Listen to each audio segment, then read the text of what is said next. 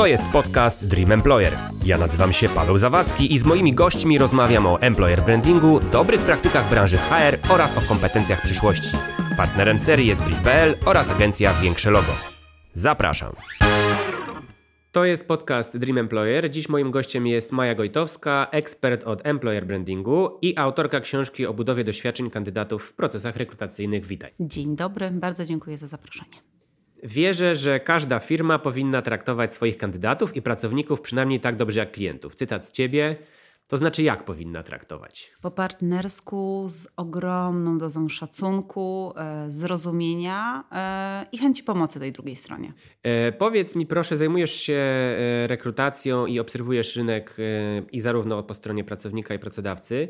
Jakie podejście do procesów rekrutacji po tych obu stronach dominuje według Ciebie obecnie na rynku pracy? Ja myślę, że to podejście bardzo pięknie obrazują takie liczby. Są takie badania regularnie rynek doświadczeń pracowników e, bada e, w Polsce e-Recruiter i Great Digi- Digital. E, I oni bodajże trzy lata temu, w, tym przedostatnim badaniu, pokazali takie liczby, że 8 na 10 kandydatów uważa, że nikt w firmach, do których aplikują, nie zapoznaje się z ich CV. Jakby dla mnie ta liczba to jest takie podsumowanie całej sytuacji na rynku, na rynku pracy, bo jest sporo dobrych praktyk. Ja jestem w stanie od ręki wymienić dużo firm, które fajnie, kreatywnie, z dużą dozą zrozumienia e, podchodzą do kandydatów, budują naprawdę, naprawdę fajne kampanie, ale generalny obraz jest taki, że kandydatów się nie szanuje. E, I kiedy spojrzymy na te tegoroczne e, wyniki tego badania, o którym, o którym mówiłam, to jest widoczny ogromnie ten rozdźwięk pomiędzy tym, co robią pracodawcy, jakie mają dobre praktyki, a tym, czego de facto oczek- oczekują i potrzebują e, kandydaci. I jeszcze jest takie zestawienie, ile osób tego doświadczyło. Czyli tak, kandydaci potrzebują bardzo jasno, szczerze i rzetelnie e, określonych e, obowiązków, które będą wykonywać na nowym stanowisku pracy i tego nie, nie otrzymują. Są takie jeszcze inne badania, które pokazują, że jeden na dwóch świeżo zatrudnionych pracowników czuje się oszukany na samym początku pracy. Wiesz, obiecuje się coś, malujemy trawę na zielono, mówimy przyjdź, przyjdź do mnie, u mnie jest najlepiej, u mnie będziesz miał wpływ, będziesz miał fantastyczną atmosferę, e, work-life balance, wszystko będziesz miał u mnie, prawda? Owocowe środy, sokowe czwartki, będzie fantastycznie, no a potem przychodzi człowiek do pracy i okazuje się, no, że nie, że tak nie jest. E, więc w ogóle ta umiejętność mówienia jakie są obowiązki e, przyszłego pracownika. To jest ogromne, ogromne wyzwanie, z którym muszą się mierzyć pracodawcy. My mamy taką tendencję do, wiesz, ubierania wszystkiego w takie okrągłe zdania, e, dorzucania do tego trochę korpomowy, e, a na koniec dnia ludzie tego tak po prostu nie rozumieją. No właśnie zastanawiam się w takim razie, czy ten employer branding to jest taka nowa odnoga marketingu, no bo to jest to, co ty powiedziałaś, tak? Rekruterzy zaczęli trochę opowiadać bajki, trochę jak marketerzy, zaczęli chwalić swój produkt, jakim jest stanowisko czy miejsce pracy, a potem kupujesz produkt, czy zostajesz zatrudniony i nagle okazuje się, że to jednak nie do końca jest tak, jak zostało ci opowiedziane. Wiesz co, no ale z drugiej strony, e, no, moim zdaniem marketing nie powinien się opierać na kłamstwie. To powinna być jakaś obietnica, którą się składa, no, która jest weryfikowana, no i to, to powinno być wszystko spójne. I dokładnie tak samo jest w procesach employer brandingowych, czy w ogóle całej komunikacji z kandydatem i pracownikiem. No to jest bardzo prosty mechanizm. Pracodawca coś obiecuje i potem w pewnym momencie kandydat i pracownik wyciąga e, kartę i mówi sprawdzam. No i jeśli to sprawdzenie będzie pozytywne, no to kandydat przyjmie ofertę, będzie pracował, będzie oddany, będzie ambasadorem. Jedna trzecia e, pracowników deklaruje, że bez żadnego zachęcania ze strony pracodawców dzieli się pozytywnymi wrażeniami z pracy w mediach społecznościowych. Ludzie chwalą się o, o tym, gdzie pracują, ludzie mówią o swoich miejscach pracy. Przecież każdy chce pracować w fajnym środowisku z fajnymi ludźmi. No tylko bardzo trudno jest takie miejsca znaleźć e, i bardzo trudno jest znaleźć taki proces rekrutacyjny, który rzeczywiście będzie, wiesz, uczy się rekruterów tego, że, że, że rekrutacja to jest, to jest rozmowa, to jest dialog. A cały czas panuje takie przekonanie, że to jest, wiesz, jakiś wyścig, jakiś konkurs, jakiś, wiesz, ja cię oszukam, będę lepszy, będę sprytniejszy. E, no i to jest, to jest bardzo, bardzo frustrujące, a chyba najbardziej frustrujące z mojej perspektywy jest to, bo z jednej strony mamy ten opis e, obowiązków, co, e, czego, czego, czego kandydat oczekuje, a z drugiej strony mamy całą komunikację wokół procesu rekrutacji. I tutaj już dochodzimy naprawdę do, do sedna problemu, bo jak się tak nad tym głębiej zastanowimy, no to co jest największą bolączką kandydatów? Największą bolączką kandydatów, kandydatów jest to, że oni nie, nie otrzymują feedbacku z procesu rekrutacyjnego. E, oni nie są informowani, że procesy rekrutacyjne są, są kończone, tak? I oni po prostu nie zostali wybrani. I teraz zobacz, jakbyśmy sobie to przełożyli na sprzedaż, na komunikację z klientem, pokaż mi firmę, która jest sobie w stanie pozwolić na posiadanie ponad 75% niezadowolonych klientów, którzy oficjalnie deklarują, że nikt nie wrócił do nich z informacją zwrotną po ich zapytaniu. No nie ma takiej firmy, to, to przecież jest kryzys murowany. No jeśli klient ma pytanie, to my musimy do niego wrócić z odpowiedzią. Dlaczego zatem e, nie wracamy z odpowiedzią, nie wracamy z feedbackiem e, do, do osób, którzy, których chcemy zrekrutować do naszej firmy, którzy przecież mogą być naszymi klientami, bo pamiętaj o tym, że bardzo często ten proces rekrutacyjny jest pierwszym punktem styku z marką jako taką, często marką konsumencką. Ja w swojej książce opowiadam e, historię takiego chłopaka, który e, brał udział w procesie rekrutacyjnym. To miał być szybki proces, e, stał się czteromiesięcznym procesem, miał być taki, wiesz, zero-jedynkowy. W efekcie chłopak spotkał się chyba z sześcioma osobami, z, z których piątka to były osoby na poziomie dyrektorów i członków zarządu e, i go przyjęli, a następnego dnia otrzymał telefon z informacją, że oni się jednak rozmyślili. I najgorsze było to, że w ogóle nie byli mu w stanie powiedzieć, dlaczego się rozmyślili. To był pierwszy smutek. A drugi smutek jest taki, że ten chłopak, on właściwie na samym początku powiedział, że on już zdążył od tego czasu pięciu osobom odradzić rekrutację w tej firmie i e, on przyznaje, że ma takie ogromne poczucie, jak widzi produkty tej firmy, no, że jednak kurczę, jest ta niespójność. To jest ogromny problem, że e, w komunikacji employer brandingowej i w komunikacji produktowej e, nie ma tej spójności. Przecież to powinna być synergia marek. Tak? Ta historia, którą opowiada nam produkt, ta historia, którą opowiada firma, powinna być po prostu spójna z historią, którą my potem opowiadamy e, kandydatom, potem, którą opowiadamy pracownikom.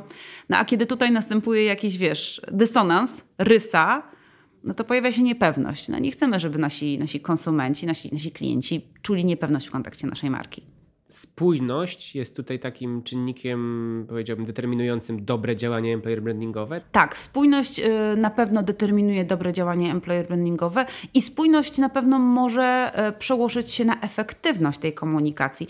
E, zwróć uwagę, jak rzadko firmy w działaniach rekrutacyjnych właśnie wspierają się tą marką, e, tą marką e, produktową, jak rzadko wykorzystują działaniach rekrutacyjnych, chcąc pozyskać kandydatów, kanały takie typowo komunikacji konsumenckiej. Jest taki świetny przykład zeszłorocznej kampanii świątecznej Empiku.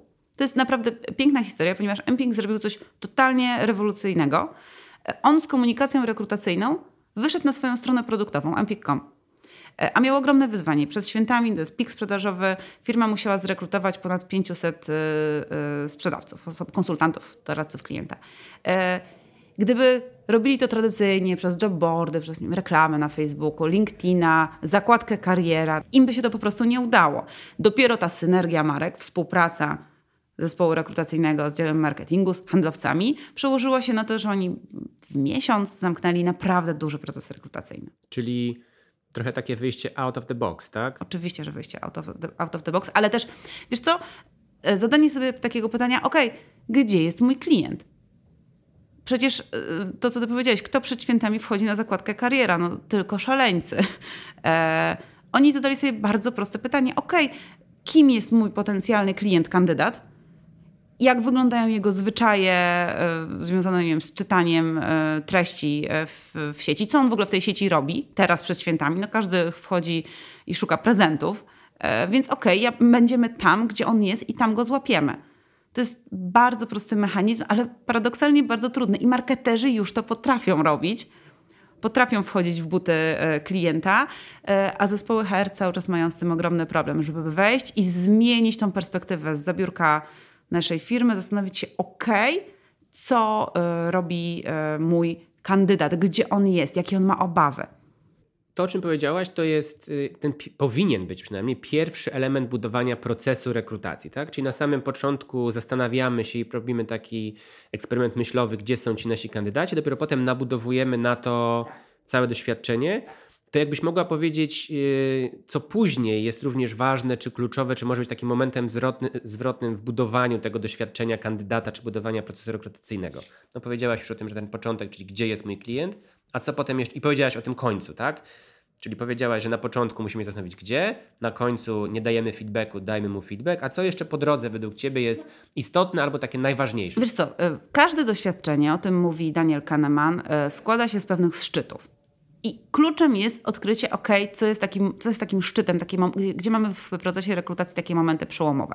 No to może być e, wypełnienie formularza aplikacyjnego. To jest moment, kiedy wielu z nas odpada po prostu, bo to jest kolejny ten moment, czy to jest jakiś test, czy to jest jakaś walka, dlaczego mam przepisywać wszystkie informacje z CV. Więc formularz, potem spotkania rekrutacyjne, potem ta cała komunikacja wokół spotkań rekrutacyjnych, potem zaprezentowanie oferty, przyjęcie lub nieprzyjęcie oferty. E, no i jest jeszcze taki e, bardzo często długi moment, e, który nazywa się preonboardingiem. To jest ten moment przejścia, kiedy kandydat jest już na okresie wypowiedzenia swojego poprzedniego pracodawcy, ale jeszcze nie zaczął pracy. On też jest często, często długi, może trwać nawet trzy miesiące, czasem dłużej. I tutaj też warto zadbać o te doświadczenia i o budowę, e, budowę kontaktu z, mm, z kandydatem. Ale wiesz co, ja, ja myślę, że to, co jest najważniejsze, e, to jest zastanowienie się, jak ten proces, bo ten proces nie wygląda tak samo u każdego kandydata. To znów trzeba wykonać to ćwiczenie per nasza persona, per, per nasz kandydat.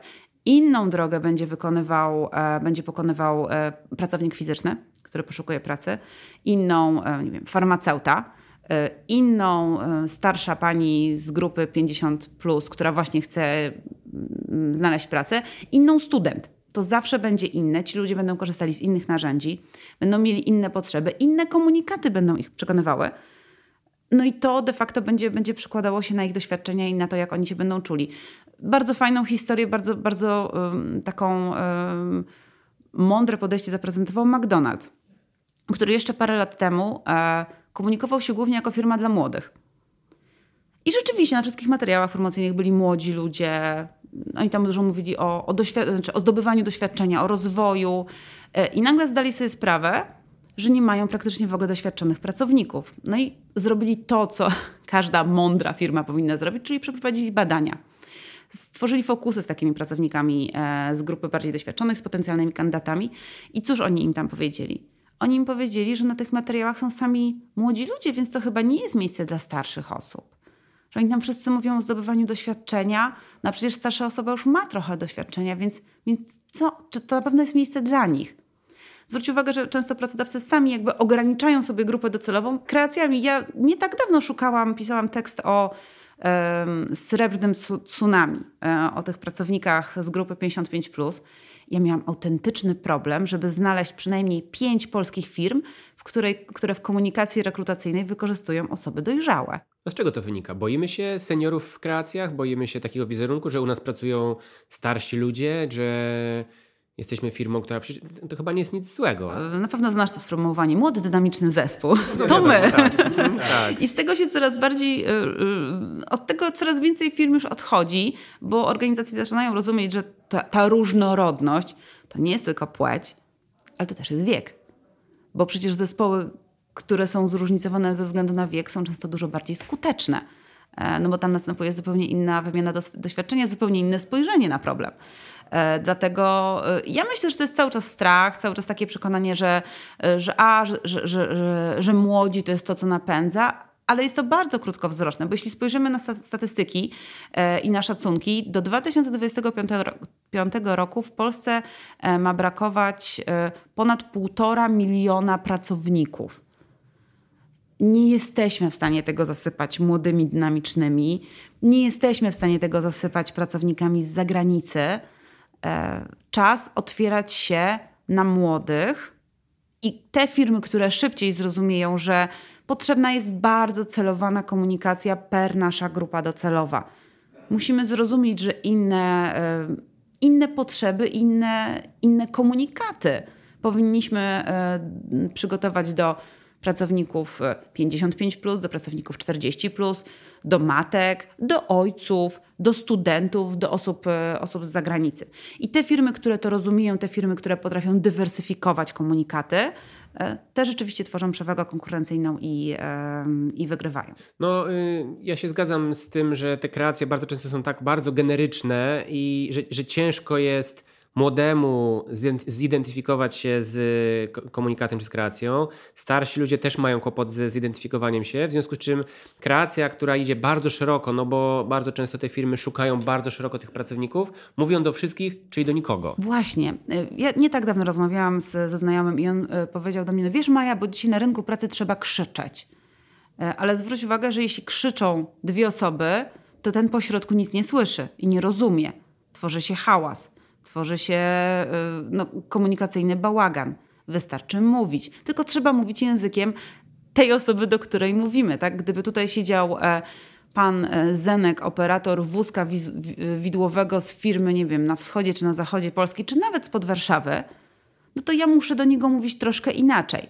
Bo to, że i dla niego, i, i dla mnie na przykład ważne są wartości wiem, rodzinne, to, to, to wciąż są wartości rodzinne, ale dla mnie to będzie znaczyło coś innego i dla niego. Jeśli ja ci powiem, że e, dla mnie ważny jest work-life balance i ty powiesz, wow, dla mnie też, to po chwili może się okazać, że to jest zupełnie inny work-life balance, tak? Więc, e, więc to jest też bardzo duży grzech pracodawców. E, kiedy mm, wyszukują wyróżników firmy, to to są często takie hasła. Atmosfera, rozwój, posiadanie wpływu. E, tylko brakuje tutaj tego kolejnego kroku, czyli zastanowienia się, okej, okay, ale co to znaczy dla naszych poszczególnych grup docelowych? Bo dla każdego to może znaczyć e, coś innego. A widziałaś jakąś kampanię, kreację, ogłoszenie o pracę, w którym pomyślałaś sobie, o, coś ciekawego, albo coś interesującego, albo coś innego. To znaczy właśnie nie młody, dynamiczny zespół, możliwość rozwoju, atrakcyjne, to tam, to siam, to czuwam. To coś takiego, co było, wiesz, trochę inne, a jednak wciąż wiadomo było, o co chodzi. Jest, jest dużo fajnych przykładów. E, nie tak dawno Socjomania, nie wiem, nie wiem czy znasz taka e, agencja, firma konsultingowa, e, publikowała ogłoszenie, które zostało napisane w pierwszej osobie przez jej szefową, Kasię Młynarczyk.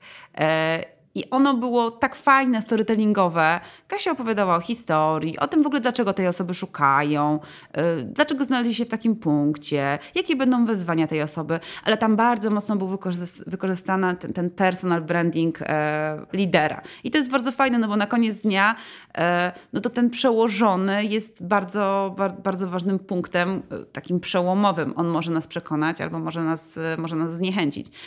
Znam firmę, która z branży IT, więc bardzo trudna branża. E, I oni E, kiedy chcą dotrzeć do tych najlepszych e, programistów, do najlepszych kandydatów, e, a ci słyną z tego, że bardzo niechętnie odpisują na wiadomości na Messengerze, to po prostu tą pierwszą wiadomość wysyła potem szef, lider, lider zespołu, do którego jest poszukiwany kandydat. No i pomyśl sobie, jak inny jest wydźwięk wiadomości hej, zobaczyłem twój profil, szukam do mojego zespołu kogoś takiego jak ty, chciałbym, żebyś dołączył, czy znajdziesz czas, żeby, żeby się spotkać. No to jest zupełnie inna narracja. Więc, więc socjomania. E, widziałam ostatnio bardzo fajne ogłoszenie e, takiej agencji rekrutacyjnej Bitalens i ono wiesz, ujęło mnie takim drobiazgiem, bo to, to jest naprawdę drobna sprawa. E, na samym początku właściwie całe ogłoszenie zaczęło się od tego, że oni opisywali, jak będzie wyglądał twój dzień pracy.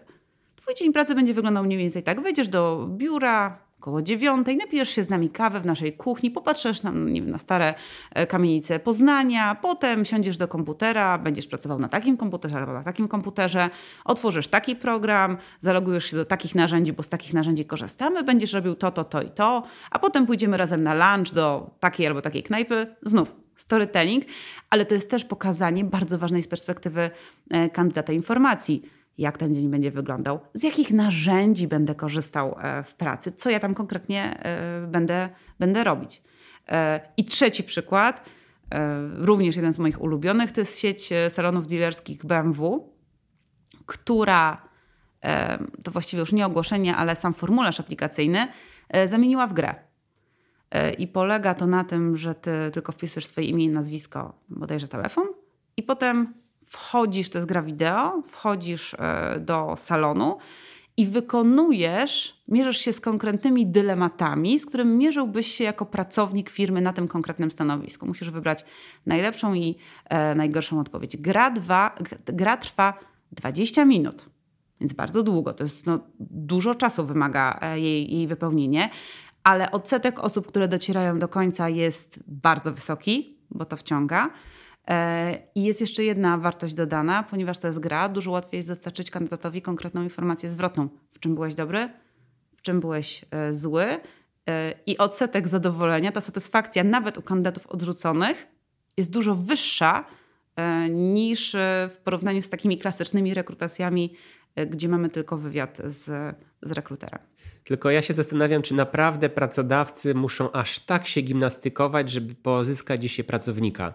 Bo to mi przypomina trochę takie historie sprzed kilku lat, jak ludzie szukający pracy, jak trochę odwrotnie, wiesz, stawali naprzeciwko budynków, w których chcieli mieć pracę z transparentami po to, żeby ktoś ich zobaczył. Wysyłali torty do szefów działów, żeby tylko się gdzieś tam dostać. A teraz jest odwrotnie, tak? Czyli właśnie tak jak mówisz, ci szefowie bezpośrednio piszą do programistów, hej, zobacz, widziałem cię, doceniam cię, może byś chciał pracować. Sytuacja się odwróciła, ale czy to nie jest trochę takie wiesz, żonglujemy naprzeciwko siebie cytrynami, patrzcie, zobaczcie nas, jesteśmy, chodźcie. Ty mówisz o krzyku, ja mówię trochę o cyrku, tak? Czy to nie zaczęło przypominać trochę takiego cyrku i targu, w którym każdy chce być najbardziej kolorowy i, i do czego to prowadzi? Ależ absolutnie, że się z tobą zgadzam. To, to tak trochę jest. E, wiesz dlaczego?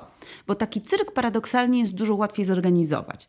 Dużo łatwiej jest zrobić taką jednorazową kampanię, nie wiem, mm, event rekrutacyjny na stadionie, wynajęcie całego parku i rozdawanie tam ulotek, stworzenie jakiejś imprezy dla kandydatów, to jest e, paradoksalnie dużo łatwiejsze, e, ale też dużo droższe niż to, co ja rekomenduję w takich sytuacjach. I jest to niestety mało sexy, bo to, co ja rekomenduję, i nawet dzisiaj miałam taką rozmowę z, z jedną z firm, to jest powrót do podstaw. A co jest podstawą komunikacji w procesie rekrutacyjnym? Mamy ogłoszenie, mamy e, formularz aplikacyjny, a potem mamy pewne wiadomości, które kandydat otrzymuje e, od nas e, po poszczególnych etapach. I teraz zwróć uwagę, jeśli porównamy to na przykład do zakupów w sklepie internetowym.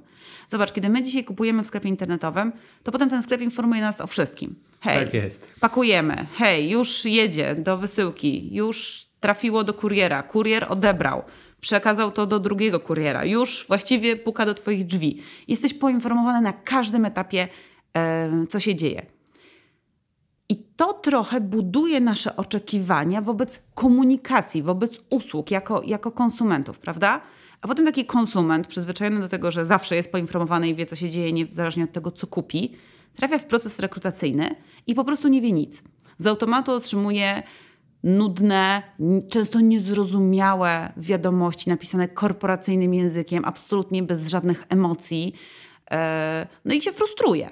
Dlatego, jeśli miałabym szukać prostego e, rozwiązania, które będzie bardzo efektywne, to by było choćby przepracowanie e, sobie szablonów wiadomości, które dostają kandydaci i zastanowienie się, czy te komunikaty, które wysyłamy, ten pierwszy autoresponder, dziękujemy za przyjęcie Twojego CV, skontaktujemy się z wybranymi kandydatami i kolejne. Czy one na przykład są spójne z językiem naszej marki? No, bardzo często czytając y, feedback osób, które szukają pracy i ją dostają lub nie, jest właśnie to, o czym mówisz, czyli kompletny brak informacji. To znaczy, wysyłam ogłoszenie, czy wysyłam swoje CV i już za 6 miesięcy dostaję informację, że proces się zakończył. I to jest po pierwsze zupełnie bezosobowe, po drugie absolutnie nieefektywne, a po trzecie rodzi olbrzymią liczbę frustracji. Oczywiście, a te frustracje zostają z tobą na dłużej. I znów, jeśli wrócimy do tej e, liczby kandydatów, których obecnie potrzebujemy, półtora miliona przypominam, no to prędzej czy później firmy będą musiały, no to może brzydkie słowo, ale recyklingować kandydatów, tak? Prawdopodobieństwo tego, że wrócisz do kogoś, kto już miał jakąś, jakąś styczność e, z marką e, pracodawcy, dla której pracujesz, jest ogromne. I dlatego dużo ważniejsze jest dzisiaj, może inaczej, może nie dużo, ale tak samo ważne jest dzisiaj dbanie o te doświadczenia kandydatów przyjętych, ale to jest łatwiejsze troszkę, wiesz, oni na koniec dnia są przyjęci, oni, oni wychodzą z czymś, są zatrudnieni, ale dbanie też o doświadczenia tych kandydatów odrzuconych, bo oni wracają na rynek pracy i będą nieśli razem z sobą nowinę o naszej firmie jako pracodawcy. I jeśli ten efekt wow, pomimo tego, że oni zostali odrzuceni, e, zostanie osiągnięty, no to to jest dopiero coś. Pomyśl, spotkałeś kiedyś osobę, która powiedziała do ciebie, wiesz co, ta firma mnie nie zatrudniła, ale ten proces był tak świetny, że ja naprawdę marzę, żeby u nich pracować. Chyba nie. Może na LinkedInie gdzieś ktoś kiedyś napisał, jest, że jest... zobaczcie jak nieźle potraktował mnie rekruter i tam wklejają maile albo jakąś taką zdarza. interakcję. Wiesz co, ja mam wrażenie, że kandydaci są coraz bardziej świadomi i coraz chętniej dzielą się takimi dobrymi e, doświadczeniami. Mnie nie tak dawno e, znajoma rekruterka podesłała e, link do GoWorka i na GoWorku, e, który wydaje się miejscem, gdzie raczej ludzie dzielą się tymi negatywnymi emocjami, był komentarz kandydata nie dość, że odrzuconego z procesu, to wychwalają, wychwalającego, ale naprawdę bardzo wychwalającego e, cały proces rekrutacyjny z imiennym wymienieniem rekruterki, która tak fantastycznie go e, przeprowadziła. E, chciałem Cię zapytać o taką rzecz, która mi się teraz nasunęła, jak rozmawiamy o tej długości czasami trwania procesu rekrutacyjnego. No bo żyjemy w świecie instant gratification, że dziś podejmujemy decyzję, jutro wdzielamy ją w życie. Natomiast proces rekrutacji jest chyba jednym z niewielu obszarów, w którym to się po prostu jeszcze nie dzieje. To znaczy, wiesz, jak potrzebujemy pieniędzy i gotówki, to kredyt dostajemy z dnia na dzień. Jak potrzebujemy kupić bilety lotnicze, to jesteśmy jutro w Singapurze. Wszystko dzieje się tu i teraz i młode pokolenia są do tego przyzwyczajone. To możemy zaraz wejść w taką rozmowę pokoleniową. A proces rekrutacji jest tym, który no jednak trwa bardzo długo. Czy może statystycznie dłużej niż większość innych procesów, w które jesteśmy zaangażowani, zakupowych, decyzyjnych, jakichkolwiek innych. Czy myślisz, że to po pierwsze można zmienić w ogóle? Po drugie, czy powinniśmy to zmieniać? Y, I co na to te młode pokolenia, które no nie mają 6 miesięcy, albo nie chcą czekać 6 miesięcy, albo są absolutnie niecierpliwe, żeby 6 miesięcy, 6 miesięcy ja mam czekać na ogłoszenie wyników do pracy? Przecież to jest do niczego niepodobne. Znaczy tak, y, pierwsza rzecz jest taka, y, to jest to, że są branże, gdzie naprawdę praca dostaje się od ręki. I są to branże skrajne, bo z jednej strony mamy IT, gdzie, że tak powiem, długość, e, dostępność kandydata na rynku pracy, może tak, e, to są dosłownie dni e, albo budowlańcy. Tam, jeśli kandydat się zgłasza do firmy i mówi: Dzień dobry, chcę pracować, to jeśli nie zareagujesz w ciągu godzin, to ten kandydat po prostu będzie pracował gdzie indziej. I to tempo reakcji tam jest, tam jest kluczowe. Te branże o tym wiedzą i tam naprawdę coraz więcej firm nad tym pracuje, że to jest no, albo być, albo nie być. Kandydat chce pracować, musimy się z nim skontaktować. E z drugiej jednak strony, nie tak dawno y, widziałam badania, to był chyba monitor rynku pracy, y, gdzie pokazywano, że statystycznie ta zmiana pracy trwa dłużej. Niedawno trwała 2,5 miesiąca, teraz trwa już 3 miesiące statystycznie w Polsce i to jest długo. To jest długo. Normalnie długo, zwłaszcza na tak. to, że większość innych procesów trwa po prostu dużo krócej. Ale zobacz, i tutaj ja myślę sobie, że największym problemem nie jest długość trwania procesu, ale brak komunikacji. E, moja koleżanka, e, rekruterka, zawsze się śmieje, że jej podstawowym narzędziem pracy jest kalendarz. Bo jeśli ona obiecuje kandydatowi, że zadzwoni w piątek, to choćby nie miała informacji, to ona zadzwoni w piątek i powie mu, że nie ma tej informacji. To jest ta płynność komunikacji.